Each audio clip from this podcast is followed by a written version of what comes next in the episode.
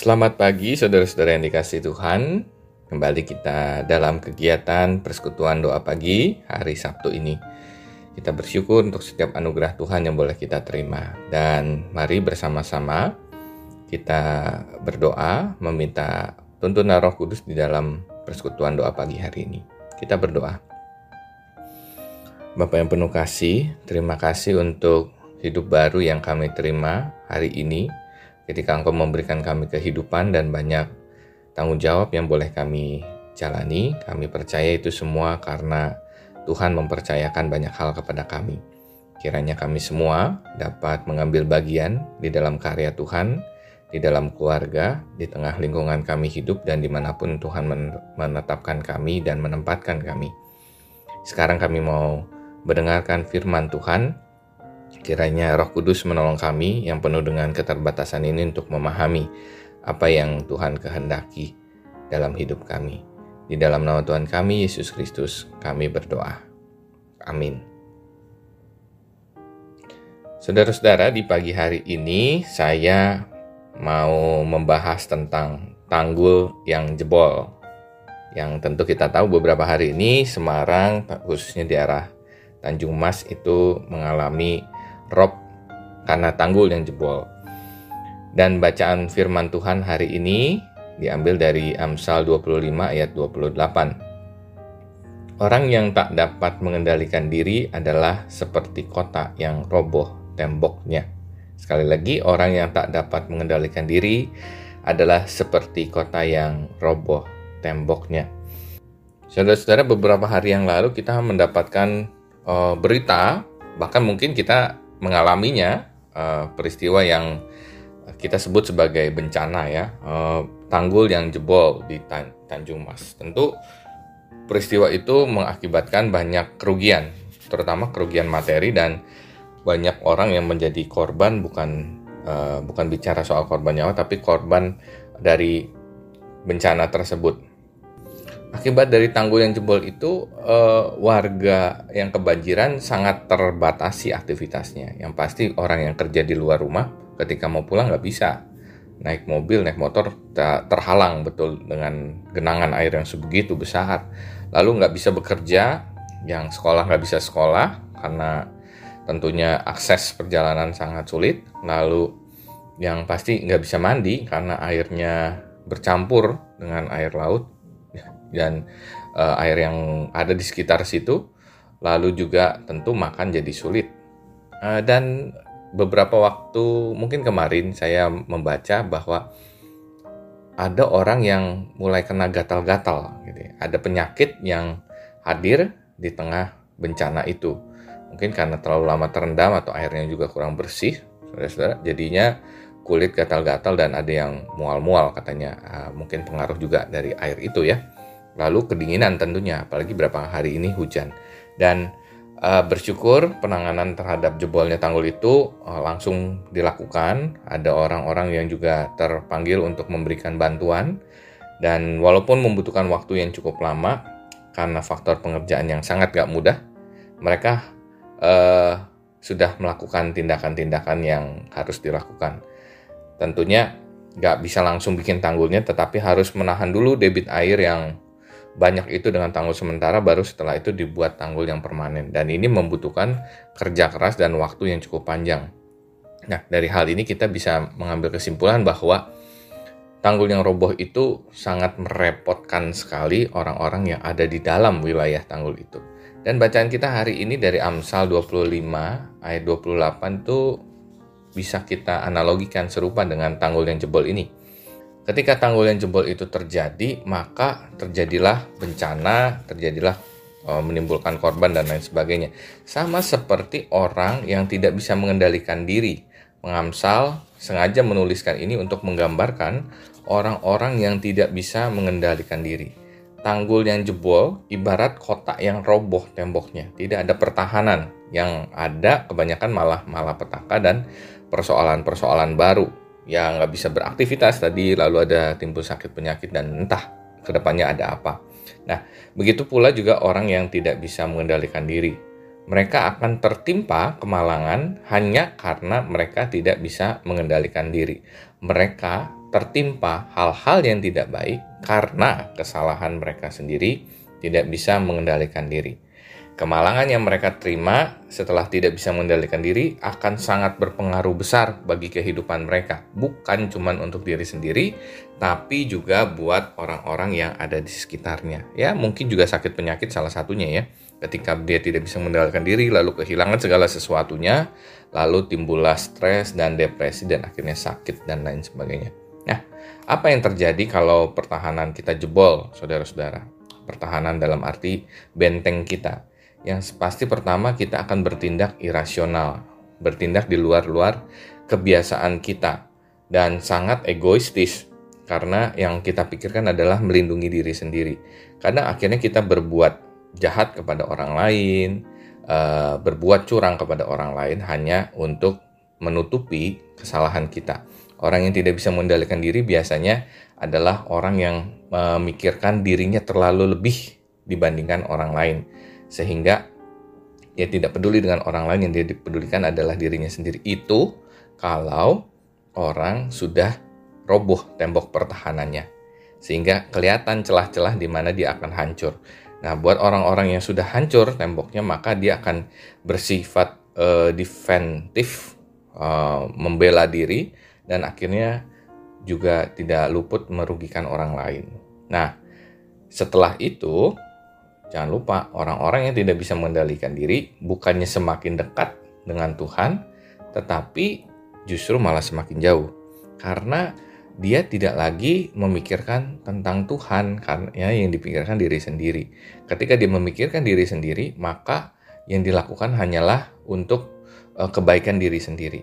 Bahkan doa itu jauh dari kata uh, memuliakan Tuhan karena yang dia pikirkan hanya bagaimana menyelamatkan diri sendiri. Nah, itu yang uh, kedua. Lalu yang ketiga, uh, ketika dia sudah menjauh dari Tuhan, maka akibat yang paling terakhir adalah mengabaikan nilai-nilai spiritual atau yang religius sekalipun jauh dari kata baik. Nah, saudara-saudara, hal yang kedua yang bisa kita pelajari adalah bagaimana sayangnya ketika kita tidak bisa mengendalikan diri. Kalau tadi adalah akibatnya tidak bisa mengendalikan diri, ini yang berikutnya adalah betapa sayangnya orang yang tidak bisa mengendalikan diri. Kenapa?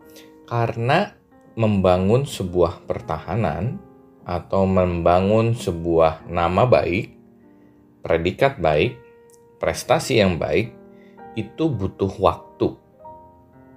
Namun, untuk menghancurkannya hanya butuh sebentar. Orang yang dikenal baik akan rusak nama baiknya kalau dalam waktu singkat dia meledak amarahnya terhadap seseorang yang dia benci atau dia uh, punya sakit hati. Orang yang dikenal santun akan rusak ketika dia tidak bisa mengendalikan diri kepada orang yang mungkin dia tidak sukai. Orang yang dikenal sayang keluarga, nama baiknya bisa hancur ketika dia tidak bisa mengendalikan nafsunya kepada orang-orang yang menggoda. Orang yang aktif di gereja, nama baiknya mungkin hancur ketika dia mencari nama baik di tengah komunitas gerejanya semua yang terkenal baik akan hancur ketika mereka tidak bisa mengendalikan diri. Oleh sebab itu, saudara-saudara, kita harus waspada terhadap diri sendiri karena sesungguhnya apa yang ada di dalam diri kita, kita bisa kendalikan. Nah, ada tiga bagian, tiga bagian dalam hidup kita yang sering kali jatuh ke dalam hal-hal yang tidak bisa kita kuasai, gitu ya. Sebenarnya bisa kita kuasai, tetapi kadang terlalu lepas kendali ya. Kita bisa, bisa bilangnya lepas kendali. Yang pertama itu pikiran.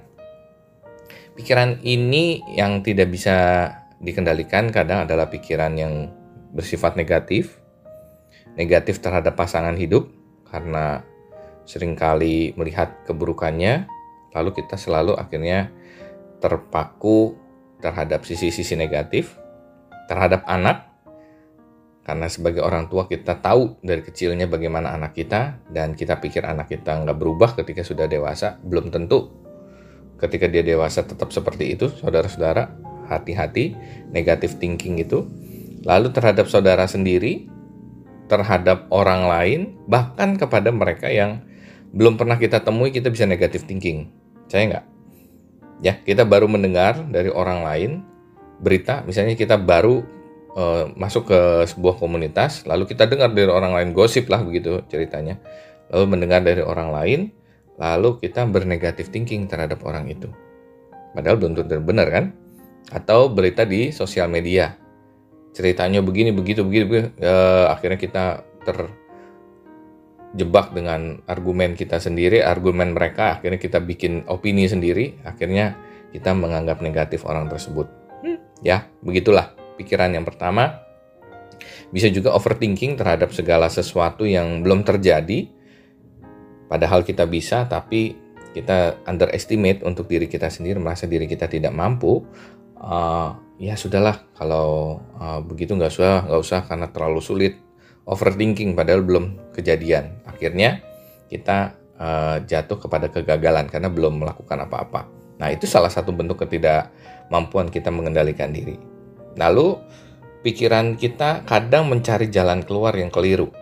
Wah, terhadap masalah tertentu kita coba cari jalan keluar, kadang-kadang pikiran kita memilih jalan yang instan atau mungkin yang jalan yang kita pikir bisa memotong dan eh, dengan cara cepat begitu. Nah, ini juga salah satu hal yang perlu dikendalikan. Iri hati terhadap orang yang berhasil terhadap saingan kerja kita, partner kerja kita mungkin juga iri hati. Lalu yang juga nggak kalah penting dan kalah sering untuk terjadi adalah pikiran-pikiran yang cabul, yang kotor, yang uh, berhubungan dengan hal-hal seksualitas. Nah ini sesuatu yang harus dikendalikan. Ini pertama, pikiran. Lalu yang kedua, perkataan Kadang orang e, tidak perlu berpikir dulu untuk marah, terjadi spontan begitu saja karena sudah terbiasa seperti itu. Nah, ini hal-hal yang e, perlu kita juga kendalikan. Orang sering kali tidak bisa mengendalikan mulutnya kalau dia marah. Yang paling sering ya. Dia jengkel tanpa pikir panjang langsung ngomong, "Kamu ini begini begini begini." gitu ya harusnya bisa dong, begini aja nggak becus dan lain sebagainya begitu ya. Marah tak terkendali, uh, lalu menyebutkan kata-kata yang kurang pantas dan menyakiti hati orang. Nah ini sesuatu yang harus kita waspadai. Perkataan juga muncul kalau kita tersinggung. Walaupun sebenarnya orang tersebut tidak menyinggung, tidak bermaksud menyinggung, tetapi kira-kira uh, langsung uh, tersinggung dengan kata-kata dan tindakannya, walaupun dia tidak bermaksud. Lalu ketika kita tersinggung, muncullah kata-kata yang uh, menyakiti orang lain. Nah, ini juga harus hati-hati ya, saudara-saudara. Lalu yang berikutnya, kata-kata bohong. Ini lebih tidak mudah dikendalikan lagi gitu, apalagi untuk menutupi kekurangan. Jadi langsung oh, enggak kok, bukan padahal kita yang lakukan begitu. Wah, ini si ini yang melakukan bukan hanya bohong tapi fitnah karena tidak mau disalahkan dan melempar kesalahan kepada orang lain. Dan celakanya, orang yang dilempar kesalahan ini biasanya orang-orang yang kita pikir tidak berdaya. Misalnya kita menyalahkan anak kita atas uh, kejengkelan pada pasangan atau menyalahkan pembantu, asisten rumah tangga karena kita jengkel dengan keluarga kita atau kita menyalahkan bawahan karena memang mereka tidak punya daya untuk menyalahkan, ya intinya mereka yang selalu jadi korban adalah mereka yang lemah. Nah, ini hal-hal yang harus kita waspadai ya, saudara-saudara. Uh, satu tadi pikiran, kedua perkataan. Yang ketiga adalah tindakan. Nah, tindakan ini kalau lepas kendali, oh, nggak bicara soal amarah saja, pukul orang, pukul sini dan lain sebagainya, tetapi uh, juga kenda lepas kendali untuk mencari solusi yang uh, dia sedang lakukan. Misalnya banyak orang ketangkep korupsi itu ya itu karena dia memikirkan lalu dia melakukan tindakan korupsi itu. Itu dia nggak bisa mengendalikan diri. Dia udah tahu bahwa aturannya nggak boleh tapi kenyataannya dia tidak bisa mengendalikan diri. Itu ya tindakan korup. Lalu yang berikutnya yang nggak kalah penting dari pikiran lalu lanjut kepada tindakan itu adalah sebuah tindakan yang cabul tindakan perzinahan. Ya orang berpikir untuk menyenangkan pikir ada dirinya lalu dia carilah itu kesenangan dalam hal-hal yang seperti itu. Akhirnya ya bisa tertular penyakit dan lain sebagainya. Ini adalah tiga hal yang uh, perlu kita kendalikan. Pikiran perkataan dan perbuatan. Ketika salah satu itu sudah um, dikuasai oleh emosi nafsu dan lain sebagainya hati-hati seperti kota yang roboh temboknya, kita bisa hancur pertahanannya. Lalu yang ketiga yang bisa kita pelajari dari peristiwa tanggul jebol, yaitu cara untuk memulihkan pertahanan diri tidaklah mudah, hanya bukan mustahil. Sekali lagi, tidak mudah, tapi bukan berarti mustahil. Butuh waktu lama dan komitmen. Betul, karena uh, itu butuh proses panjang dan komitmen untuk menata satu demi satu tembok yang sudah hancur. Yang kedua, butuh korban perasaan untuk memulihkan piring yang sudah retak. Kalau orang-orang yang pernah tersakiti dengan tindakan ke ke tidak mampuan kita untuk mengendalikan diri, maka biasanya ada sindiran-sindiran, ada perkataan-perkataan yang menjengkelkan sehingga piring yang sudah retak itu sulit untuk dipulihkan. Lalu yang ketiga, kadang kita butuh bantuan orang lain, nggak bisa sendiri. Harus dengan legowo minta pertolongan orang lain. Seperti tanggul yang jebol itu tidak mungkin dilakukan sendirian, tapi butuh kerjasama dari orang lain, butuh bantuan dari orang lain. Begitu juga ketika benteng pertahanan kita rusak, nama baik kita rusak, kita butuh bantuan orang lain untuk menyelamatkan. Nah, tentu bantuan Tuhan juga, karena kalau bukan Tuhan sia-sialah yang membangun rumah itu juga ya. Nah, saya tutup dengan beberapa hal yang dapat kita lakukan untuk mengendalikan diri. Yang pertama, ketika kita terpancing, maka kenali diri kita sendiri dulu dan identifikasi apa yang kita rasakan. Jadi setiap kali ada emosi tertentu muncul dalam pikiran, kita harus bisa cepat-cepat menangkap pesan apa yang ingin disampaikan dan dirasakan. Apakah itu marah, senang, sedih, atau lain sebagainya. Orang yang cenderung cepat marah ini seharusnya mulai punya sensitivitas, mulai punya kepekaan kalau uh, sewaktu-waktu ada orang yang berkata-kata tidak sesuai dengan keinginannya, seakan-akan dia tersinggung begitu, uh, lalu dia marah. Nah, ini harus mengenali diri dulu, emosi apa yang ada di dalam dirinya. Apa itu emosi marah, emosi sedih, emosi tersinggung, yang tentu yang negatif ya. Emosi-emosi apa itu? Lalu kemudian setelah emosi itu kita bisa cermati, kita tahu, maka pikirkanlah dampak dari emosi yang timbul dari hal tersebut. Apakah akan berdampak negatif atau positif. Jika kita dapat memahami dampak dari emosi yang timbul tersebut, maka kita bisa mengetahui apa yang akan terjadi dari emosi yang ada. Jadi harus awalnya tahu dulu nih emosinya apa. Jadi dampaknya juga apa. Kadang emosi itu menjadi baik kalau kita bisa tahu lalu kita kendalikan arahnya dan ungkapkan dengan benar. Hanya saja kalau kita nggak bisa mulai itu dari awal, kemungkinan untuk mengeremnya agak sulit. Nah, orang yang mampu melihat dampak negatif dari emosi kita tersebut atau pikiran dan lain sebagainya itu dapat mengendalikan dan mengelolanya sehingga tidak terjadi lepas kendali.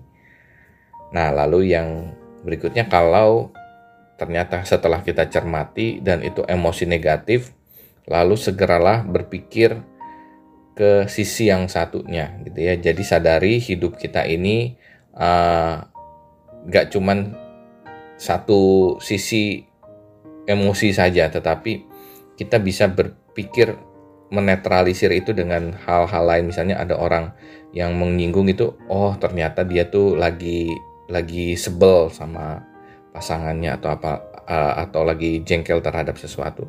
Kita netralisir dengan buang emosi negatif itu uh, dengan cara berpikir lebih positif kepada orang yang membuat kita jengkel dan lain sebagainya. Atau peristiwa-peristiwa yang membuat kita jengkel. Harus berlatih terus untuk mencoba dan mencapai tahap dapat berpikir positif. Lalu yang keempat, kita bisa lihat dari sudut pandang orang lain. Kalau misalnya uh, kita emosi, lalu kita lepas kendali, bagaimana orang melihat kita? Ya, atau mungkin dari sisi korban ya. Misalnya kita emosi berlebihan kepada uh, bawahan, lalu kita kata-katain bagaimana perasaannya, terluka seperti apa. Nah, itu kita bisa jadi saringan yang berikutnya.